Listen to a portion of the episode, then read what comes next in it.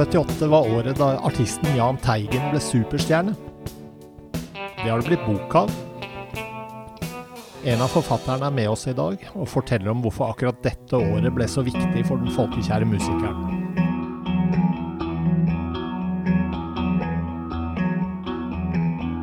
Og vi får besøk av forskeren bak prosjektet Drømmefangerne. Et prosjekt der rusavhengige bruker fortellinger og fortellerkunst som en vei ut av en vanskelig situasjon. En av deltakerne har skrevet en fortelling hun skal fremføre for oss i dag.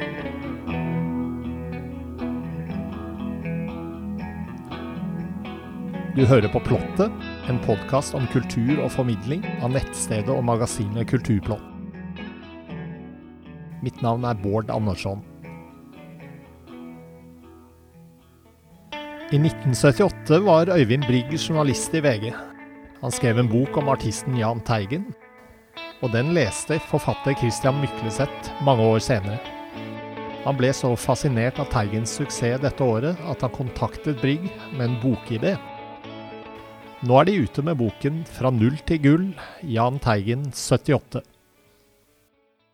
Du har jo skrevet bok om uh, Jahn Teigen tidligere, uh, nettopp i 1978. Uh, eh, hva var det som utløste dette prosjektet og enda en bok? Du, Det var min gode kollega Christian Mykleseth, som jo er en god del år yngre enn meg. Han var jo ikke født engang i 1978, som ble klar over at jeg hadde skrevet en bok om Jahn Teigen i 1978. Og så kom han til meg og spurte skal vi ikke lage et nytt prosjekt sammen rundt dette. her. Han er veldig musikkinteressert og nesten på kanten til å kalle seg nerd, tror jeg, når det gjelder visse ting i livet. Eh, og så hadde han en idé om å sette dette inn i et litt annet perspektiv, som skulle da hete årstallet 1978, fordi han forsto at det var veldig, veldig mye som skjedde akkurat det året. Så gikk han videre til, eh, til forlaget, til eh, Pitch, og foreslo dette, og de tente veldig på ideen. Så dette har jo blitt en helt annen bok enn den jeg skrev for 42 eh, år siden. For det, her setter vi dette inn som sagt da, i et tidsperspektiv og inn i en helt annen eh, kontekst enn det jeg gjorde den gangen, som var mer en memoarbok. Og Så var det da forlaget som, som ble tent på dette, her, og så tok det ene det andre, og så satte vi i gang dette prosjektet. Kan du si litt om hvor stor stjerne Teigen ble i løpet av akkurat 1978? Og det som var litt gøy, for jeg hadde jo, jeg sto så midt oppi dette her, og det er jo så lenge siden, så jeg hadde egentlig glemt hvor svær han ble bare på ett år.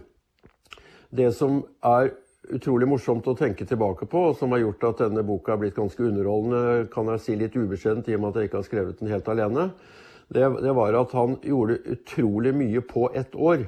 Altså Det begynte med at han eh, spilte Rocky Horror Show på Centralteatret. Han eh, takket ja til Mil etter mil-låta som eh, bidrag til den norske Melodi Grand Prix-finalen. Så vant han den. Og så ble han da sendt til Paris. Der fikk han en null, som han på mesterlig vis gjorde om til en PR-seier som jeg ikke har sett maken til. Han snudde altså tapet til en uh, gedigen seier. Så ble han en uh, folkekjær artist. Han var jo tidligere en habil habil rock'n'roller. Og så eh, fortsatte dette med at han, eh, han, og staben rundt ham laget en, en, LP. Så gjorde de en turné.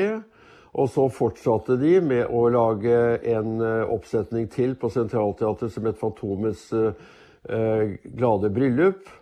Og endelig eh, en turné som het Teigens tivoli. Så det var ekstremt mye som han og Herodes Falsk og Tore Syversen i plateselskapet fikk til på ett år. Så det var egentlig helt enestående. I et intervju med Dagbladet så sa du at dere med boken også ønsket å sette 1978 i et uh, samfunnsmessig og en historisk sammenheng. Eh, kan du utdype dette litt? Ja, fordi at det var eh, Det må jeg si jeg også hadde lagt bak meg, for man går jo ikke rundt og tenker på sånt. Men det var jo et veldig annerledes eh, Norge enn det, det man opplever i dag, og det man har opplevd eh, de siste 20 årene. Det var egentlig litt sånn grått og kjedelig. Det var en musikkscene som levde i og for seg, men det var, det var et veldig annerledes Norge. Man var kommet på vei inn, man var på vei inn i oljealderen. Det var ikke så veldig mye penger blant folk, og det var eh, i alle fall ikke, med unntak av type vesensdel og sånn, så var det ikke mye humor heller. Og alt dette klarte Jahn Teigen på en måte å, å skal si, nøre opp under og, og, markere at han var veldig annerledes på alle måter. Han var jo en fantastisk sanger, men han var jo en, en, ikke minst også en stor artist. Så han dro på mange måter humoren inn i et litt sånt grått Norge. Eh, som kanskje virket veldig befriende på mange, tror jeg. Teigen samarbeidet jo med Herodes Falsk og, og Tom Mathisen bl.a.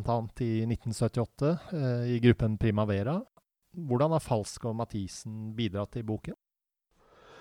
Eh, Falsk eh, har bidratt veldig mye. Han, eh, han, var jo den som sto eh, Jahn Teigen aller nærest. Og vi har jo, for å skrive denne boka, så har vi gjort lange og lange og mange intervjuer, og særlig med Herodes Falsk, og også en som mange ikke kjenner til, kanskje, som heter Tore Syvertsen, som var plateselskapets mann, og som også var litt av arkitekten bak en del av de vellykkede satsingene som, som Jahn Teigen fikk til i 78.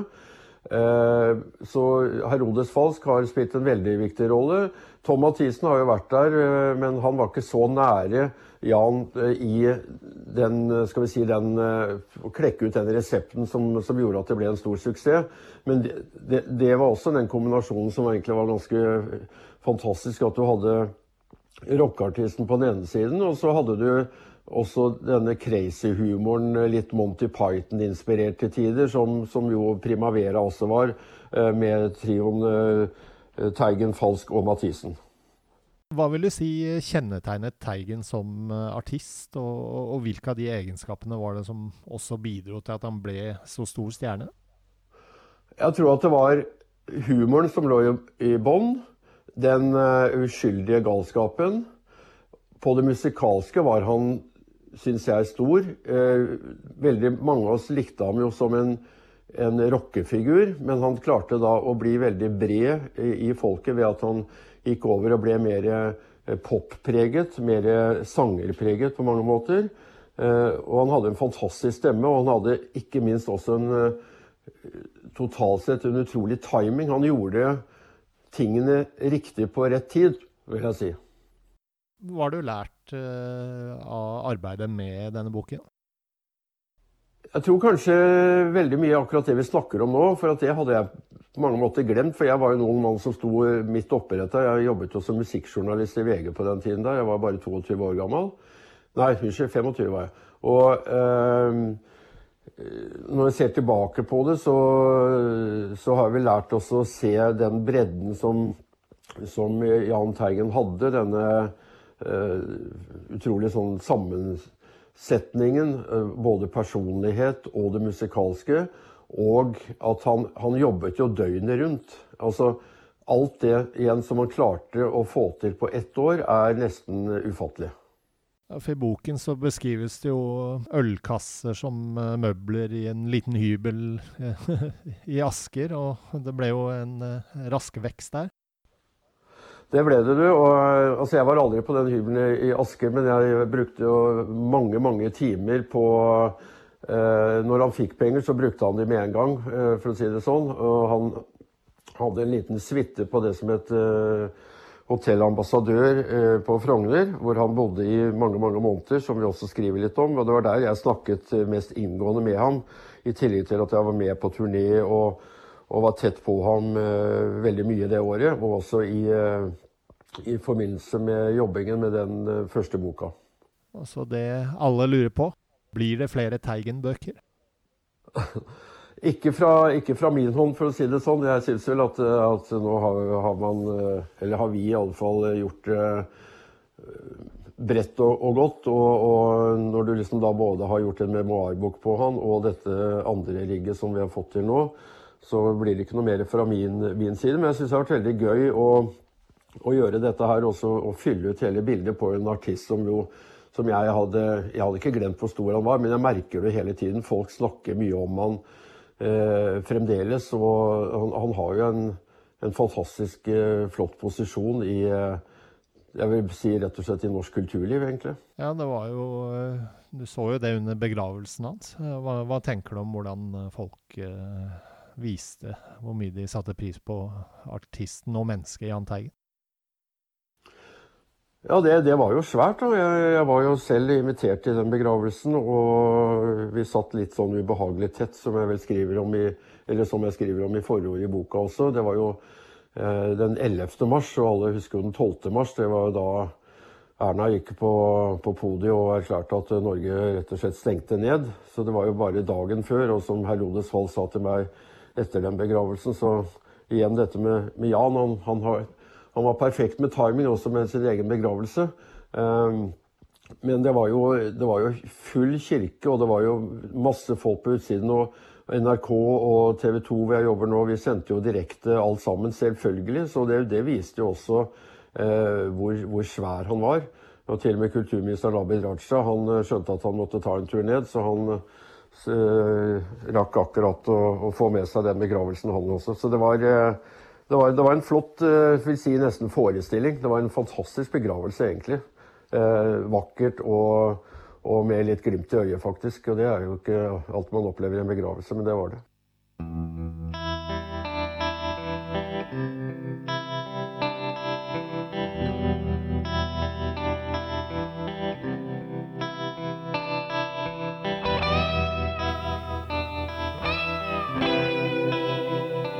Mette Bø Lyngstad står bak prosjektet Drømmefangerne. Et prosjekt der rusmisbrukere tar i bruk fortellerkunst. Hun er forsker ved Høgskolen på Vestlandet, utdannet forteller, tidligere lærer, og har bakgrunn fra drama og teater.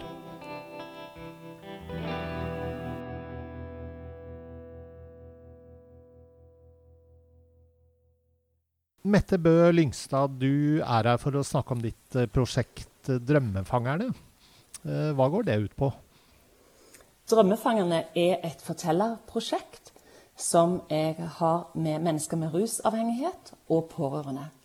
Det er et prosjekt som ble starta for vel fire år siden. Fordi jeg var opptatt av å integrere og inkludere alle mennesker i samfunnet.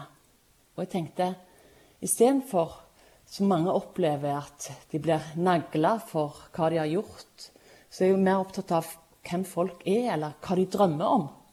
Og at vi må kjenne mer hverandres historie for å kunne tilpasses til hverandre. Og da ble Drømmefanger-prosjektet starta. Og det har vært et prosjekt som har vært årlig, og det har vært et forskningsprosjekt knytta til dette. Hva er det ved poesi og tekst som kan hjelpe oss ut av vanskelige tilværelser? I dette prosjektet så er jeg opptatt av å løfte frem fortellernes egne fortellinger. Og i eh, arbeid med mennesker med rusavhengighet og pårørende så er det veldig mange som opplever at de ikke blir hørt, at de ikke blir eh, trodd. Så hvor er deres egne stemmer i samfunnet? Når vi fikk anledning til å jobbe med kunstformen. Jobbe med å skape gode fortellinger. Jobbe med poesien i fortellingene. Og jobbe med å fremføre disse fortellingene. Så opplevde jeg og de at vi tok både hverandre, kunstformen og våre egne fortellinger, oss sjøl, på alvor. Og personlige fortellinger er alltid en utfordring på skiller mellom det personlige og det private. Og det er grenseganger der som det er viktig å være bevisst på. Og òg det at en ikke skal på en måte grave for mye, men folk skal fortelle det de har lyst til å fortelle. Så i denne, i denne forestillingen, eller disse prosjektene som vi hadde, så handla det om å fortelle det du hadde lyst til å fortelle. Det som, var, som var viktig for deg, det som du hadde på hjertet. Og Det har vært ulike temaer hvert år fordi at det skulle lages en forestilling knytta til Røst-konferansen, som er Norges største konferanse for brukere, for pårørende, for politikere og helsepersonell. Og Første året så var det drømmer som var tema. Og Da passet jo òg drømmefangerne. Og Det interessante var hvilke drømmer er det som ble løfta fram. Det var ikke de store vyene. For noen var det et A4-liv. For andre var det å skape en trygghet i det de var. Og mange når de ga tilbakemelding etterpå, at de hadde slutta å drømme. Og at eh, fortellingene, det å se seg sjøl etterpå på videoen når vi har tatt opp forestillingen og evaluert prosjektet, så sier de at det, det åpna dører jeg sjøl ikke visste var lukka. Så at det har gjort noe både med de og med meg, som har vært så heldig å, å få følge disse eh, i prosjektet, så har det vært et spennende prosjekt. Og for folk som har sett forestillingen, så har det grepet dem. Sånn kommunikativt, eh, hva er det ved historiefortelling som kan ha en effekt, eh, f.eks. på mestring? Det å få skape sin egen fortelling. Det å dele fortellingen og merke at du blir lytta til, tatt på alvor, det gjør noe med mennesket. Men det møtet som skjer mellom den som forteller, og den som lytter, er magisk. I det rommet der møtes mine fortellinger med dine fortellinger. Der møtes sorger med håp. Der møtes våre gjerne felles drømmer. Så jeg har stor tro på å jobbe med fortelling som kunstform. Og ta både kunstformen på alvor, jobbe med språket, med måter å framføre det på, for at det skal oppleves ekte, og for at det skal bli løfta fram på en sånn måte at folk lytter til det. Kan du si litt om din eh, bakgrunn? Jeg er eh, forsker ved Høgskolen på Vestlandet. Eh, min bakgrunn er i dramateater. Jeg har undervist i 25 år på høyskole. Før det har jeg jobbet som lærer. Og jeg er òg utdanna forteller. Cecilie Henne er en av deltakerne i Drømmefangerne. Hun har skrevet fortellingen 'Et sittevindu', som hun straks skal fremføre for oss. Vi lurer på hva det er med fortellinger og arbeidet med fortellinger som kan ha en effekt på en vei vekk fra en vanskelig tilværelse.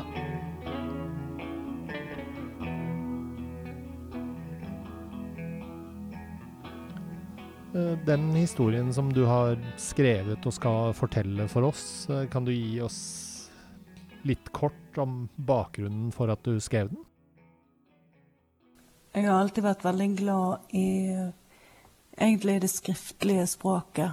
Og altså en sånn eh, skjønnlitterær stil, da.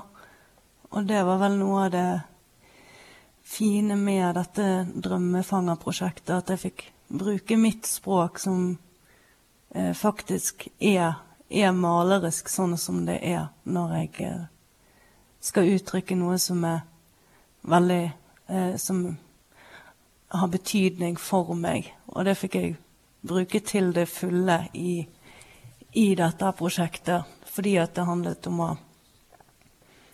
Eller det, det, vil si, for meg ble det i hvert fall en, en måte å finne min, uh, min rytme og min uttrykksform på igjen. Og jo mer jeg holdt på med dette, jo nærmere jeg kom jeg til sånn jeg en gang hadde vært. Eh, og måten jeg hadde pleid å uttrykke meg på. Så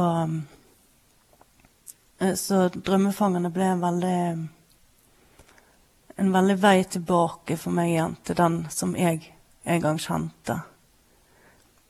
Um, det var vel gang nummer to der jeg hadde møtt uh, Mette og resten av disse som var med på Drømmefangerprosjektet, på en sånn workshop. Og jeg gikk hjem, og jeg var litt frustrert, for det, på den tiden så hadde jeg vel egentlig ikke Jeg hadde vel glemt litt hva jeg drømte om uh, i livet. sant? Jeg hadde i hvert fall kommet på et sted der jeg hadde det OK, og jeg var veldig glad for å ha det OK igjen. Og så skulle jeg liksom begynne å drømme. Og, og for meg så er det viktig å skille mellom en drøm og et mål og en plan og alle disse tingene. Og jeg, i, um, i konteksten som jeg har vært i, med mye hjelp uh, liksom til å komme på beina i livet, så, så det er ofte snakk om delmål og hovedmål og alle disse her tingene. Og så kjente jeg plutselig at jeg har gått rundt og sagt eh, hva jeg ønsker meg som høres riktig ut i forhold til de, eh, hvordan en person med mine utfordringer skal være hva jeg skal ønske meg, og hva jeg skal drømme om. Og den drømmen som jeg da valgte å skrive, den eh, skrive ut, den handler egentlig mye om, om noe mye mer eksistensielt enn enn noe veldig sånn eh, konkret. Og han bunner egentlig i en hendelse som skjedde med meg da jeg var på fest og var i tenårene.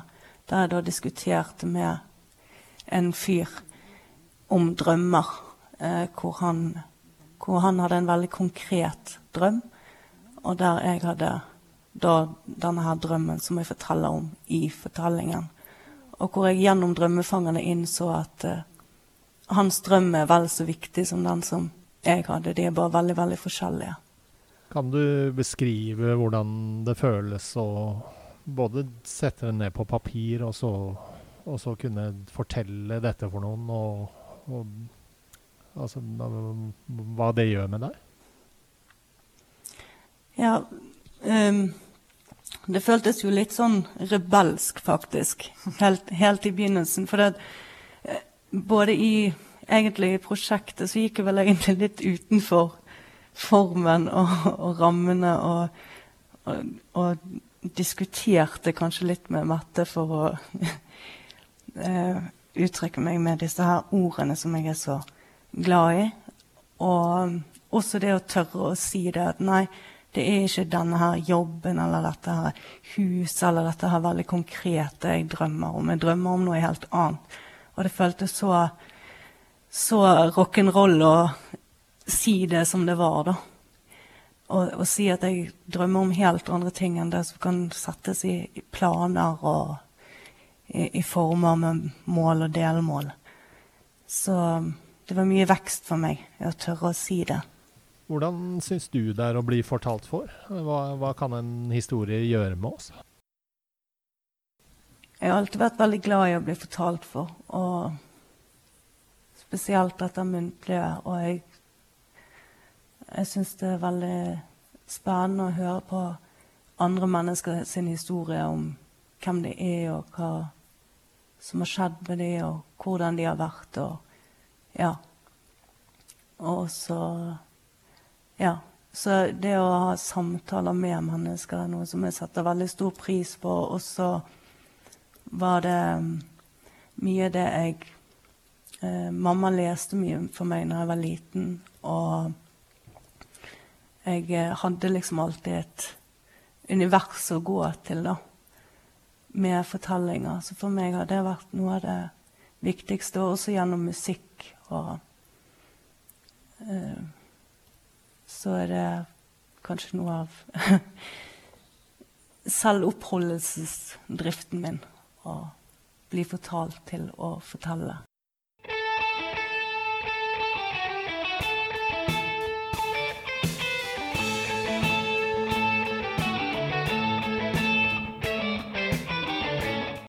Et sittevindu?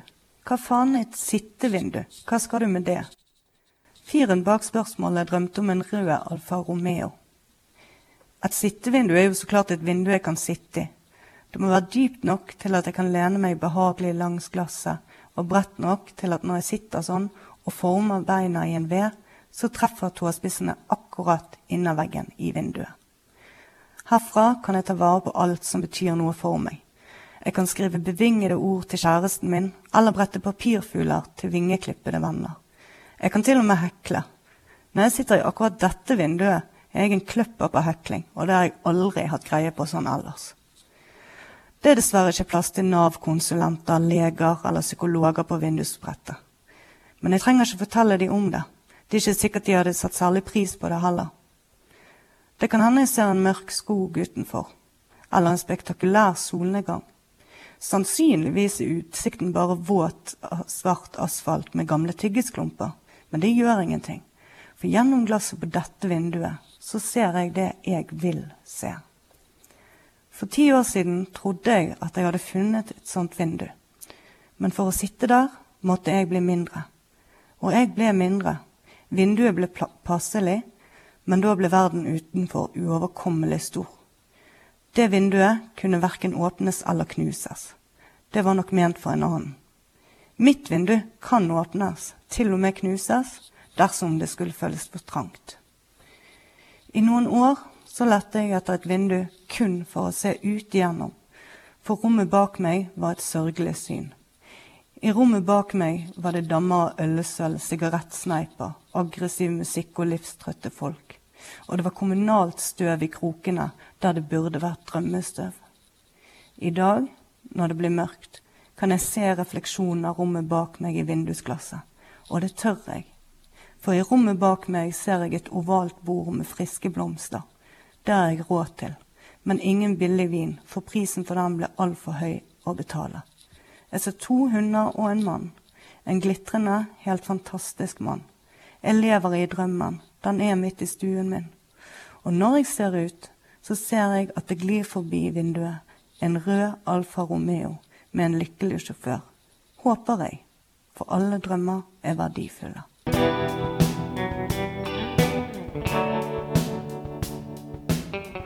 Les daglige kulturnyheter på kulturplott.no, og få med deg dokumentarer, eksistensielt stoff og kultur i papirmagasinet Kulturplott.